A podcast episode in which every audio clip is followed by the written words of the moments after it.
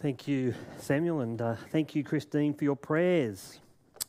Friends, uh, we come to uh, thinking about Christmas, uh, which, which, is absolutely fantastic. But I wonder uh, when you heard that Bible reading read and, and thinking uh, where we are, I guess, in the lead up to Christmas Eve and Christmas Day, what popped into your mind? What popped into your mind?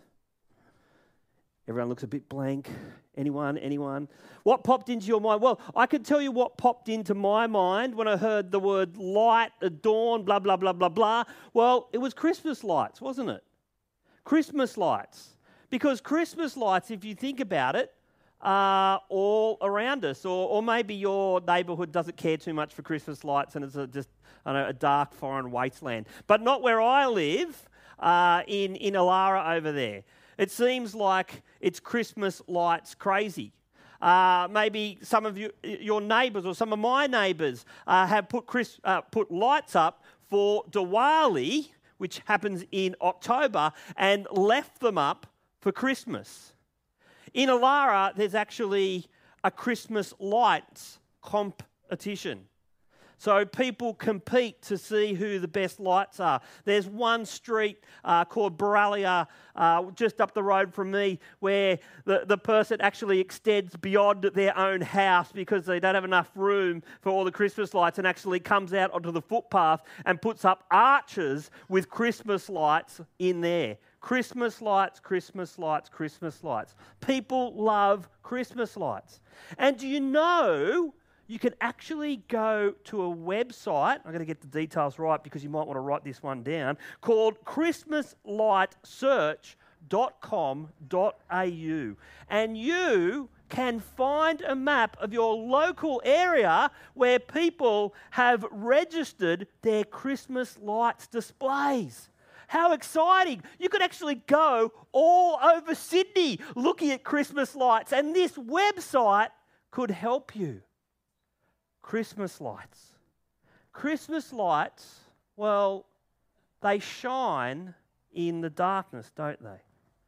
And maybe for some, they love Christmas lights so much because for a moment it distracts them from the darkness of this world. And this is where we actually come to in Isaiah chapter 9 verses 1 to 7 today. Because we see in this short passage that actually the world is a dark place. It was dark in Isaiah's time, and it is still dark today. But the other part of this great passage is that we see the light has shone. And that light brings great hope. That light brings great hope. Now, we all understand what darkness is, right? Most people don't want to spend prolonged periods in darkness unless they are asleep. Now, if you drive a car, if you drive a car on a poorly lit road and you turn off your headlights, well, often you might find yourself in trouble. Maybe on holidays, you've got up at night in a dark, unfamiliar room and tried to make your way across that room and found yourself bumping into things. Darkness isn't helpful, it isn't natural. But as we come to Isaiah chapter 9, the context is that God's people in Judah, the southern kingdom, are in trouble and the darkness is coming. It's around 700 BC, and the Assyrian army are the superpower at the time. And they are in the process of wiping out Israel, the northern kingdom. But now Assyria are coming into Judah as well.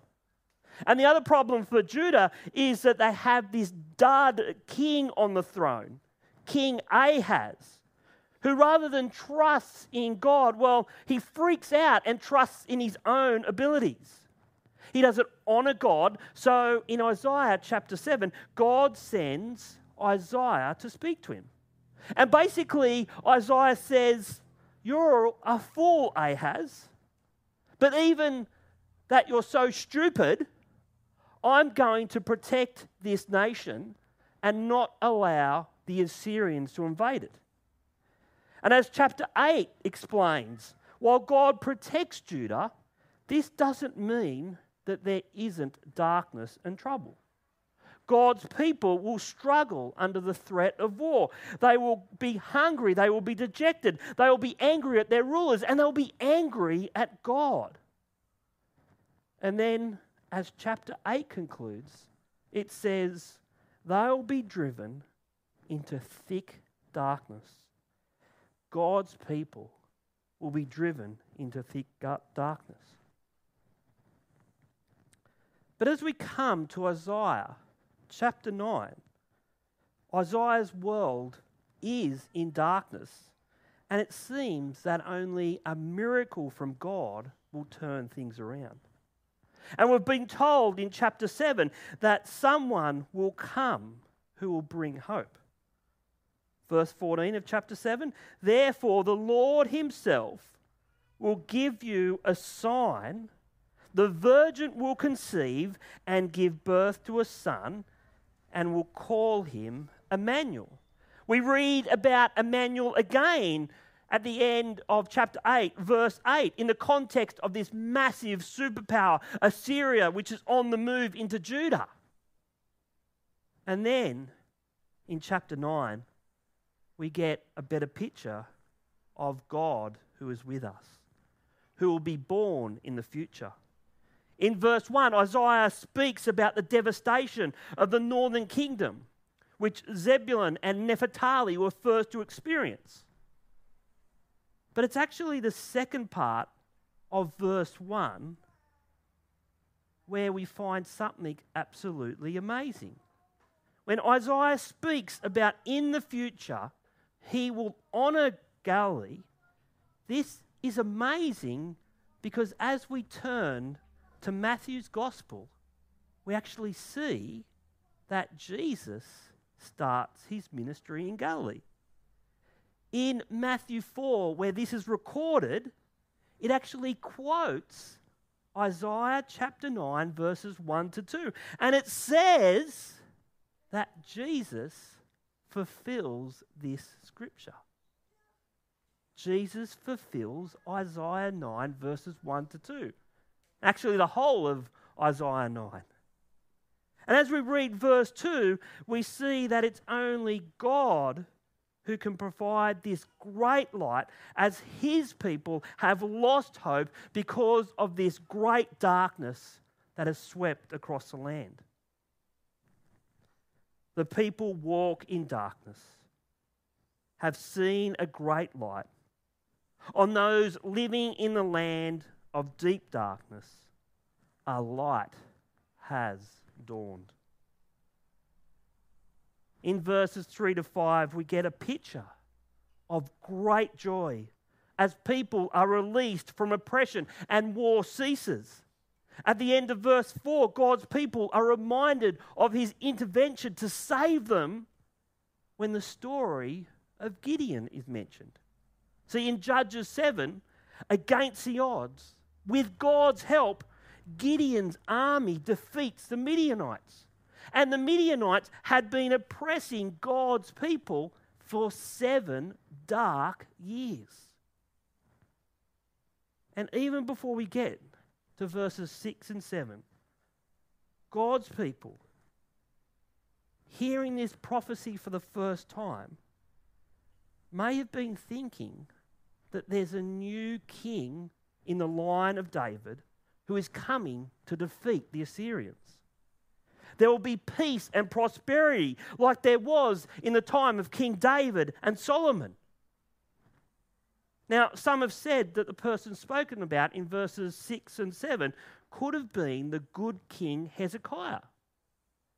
But the titles mentioned here don't fit any earthly king, and at this point in time, Hezekiah has already been born. So this passage is looking forward to a future king. Verse 6 For to us a child is born, to us a son is given, and the government will be on his shoulders. And he will be called Wonderful Counselor, Mighty God, Everlasting Father, Prince of Peace. The child who is born can only be God's Son who comes into the world. The divine man Jesus who comes to save us from our sins. He rules God's kingdom. And that's why in Matthew chapter 4, verse 17, it says, From that time on, Jesus began to preach Repent, for the kingdom of heaven is near. Jesus brings in God's kingdom. It's like Jesus carries the weight of the world on his shoulders as he comes to earth to call people into this magnificent kingdom. Now, as wonderful counselor, Jesus teaches, he heals, he loves, he lives a perfect life, and he dies and rises again. And when he ascends back into heaven, he sends the counselor the Holy Spirit that continues his work on earth. He's described by doubting Thomas as my Lord, my God. He's been given all authority in heaven and on earth. He's one with the Father, he's eternal. And because he is descended from King David, he is the prince that brings peace on earth and will rule over all nations when he returns again as he's promised. Friends, we need this wonderful counselor. We need this mighty God. We need this everlasting Father, Prince of Peace, just like the people did back in Isaiah's time. Why? Because we live in a dark world. And the darkness is shown by evil and ignorance. Evil and ignorance. And if we think that things have gotten better because we know more stuff or we have more technology, then we are absolutely kidding ourselves. Just think of the events of this year. 24th of February, what happened? Well, Russia invaded the Ukraine. Now, does it look like that war is going to end anytime soon? Not really. And if you actually look at it, this war is an extension to what had already started in 2014 when Russia annexed Crimea and supported pro Russian separatists in the Donbass region. So this war has actually been going on for a very, very long time. And there have been massive casualties on both sides. There has been the biggest humanitarian crisis since World War II, with 8 million people in Ukraine being displaced in that country, and another 8 million people actually fleeing the country. Friends, we live in a dark world. And wars actually rage all the time. It's just that we don't think about them because they don't affect our daily life. But this war has, hasn't it? Because we've seen petrol prices rise and we see food shortages around the world because, you know what? Ukraine and Russia export so much agricultural products to the rest of the world. We live in a dark world. But we also live in a world which is ignorant. See, even over Christmas, people are still ignorant to what, or more importantly, who we celebrate at Christmas. Christmas is one of the world's most celebrated holidays. It's a busy time of year with parties, buying gifts, seeing family and friends. But I looked at this survey, and these are the top three reasons why, why Australians celebrate Christmas. The first one is quality time with family. 87% of respondents. The second, exchanging gifts and presents. 50%. Third, because the children really enjoy it. 44%. What's missing? What's missing here? Yeah, Jesus being born, the Prince of Peace, Emmanuel, God who is with us, doesn't even make the top three. Now, we could argue that you know Australia is becoming less of a Christian country, so you know the, the knowledge about Jesus has sort of drifted away. But the word Christ must actually indicates that there's something more than just having a good time with family and friends, buying gifts, and because the children really enjoy it. People are ignorant of Jesus. So, friends, how important is it that we take the opportunities that God gives us to show our friends and family the real meaning of Christmas? Take opportunities, as Charlie said earlier, to invite people along to carols or Christmas services. Because if we don't, well, no one else is going to do it, are they? They're too interested in spending quality time with friends and family and buying gifts and presents and then making the children really enjoy Christmas.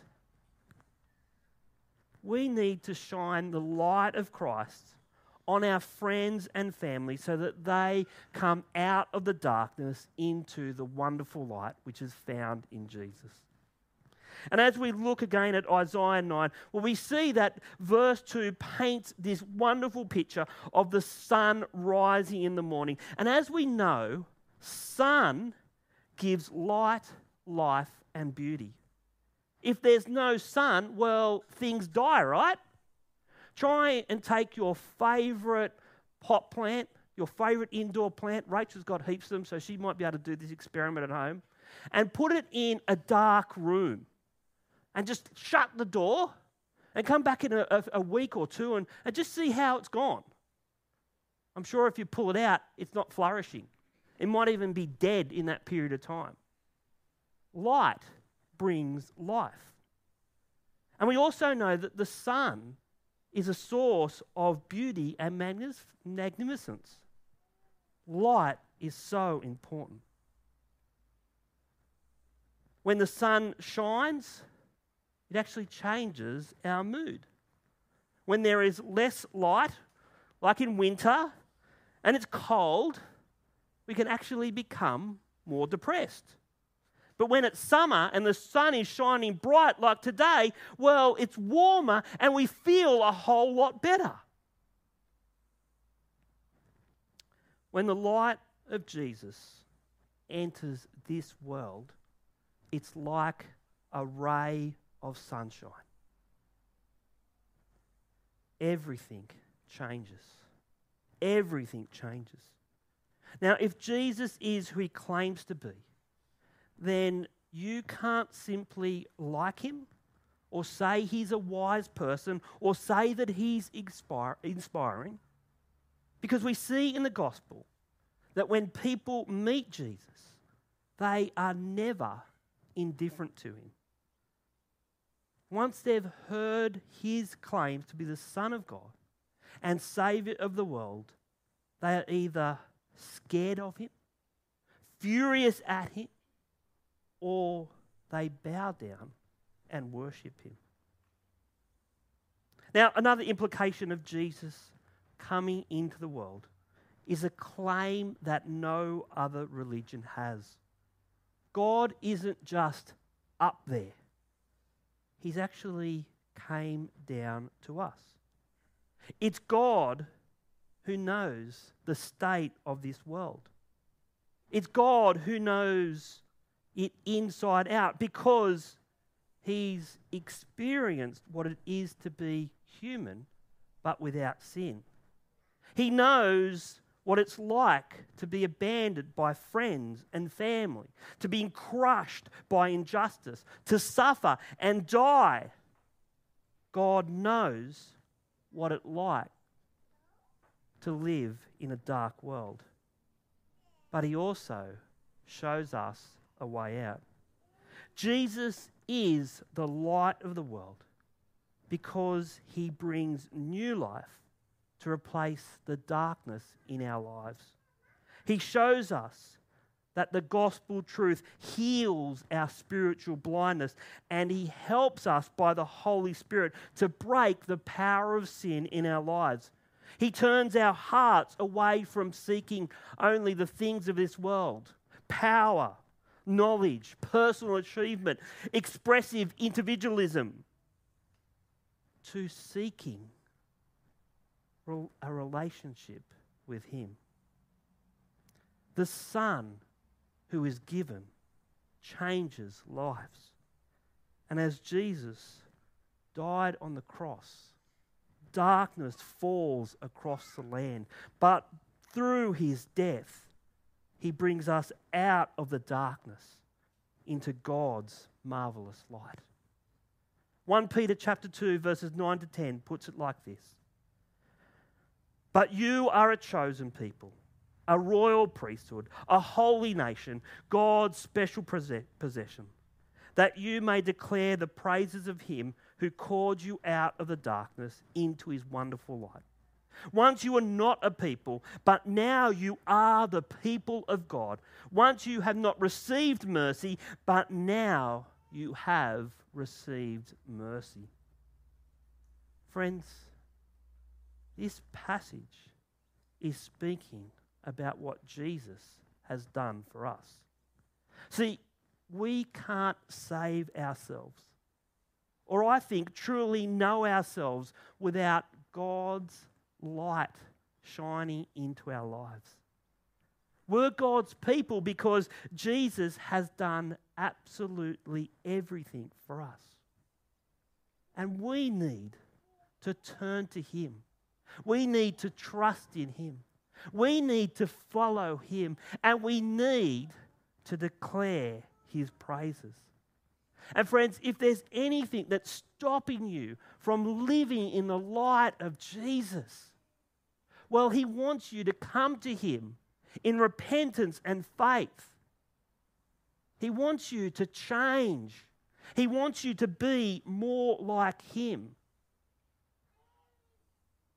And we know when we prayerfully come to Him, He listens to us because He loves us so much that He laid down His life for us. Let me pray. Father God, we just thank you so much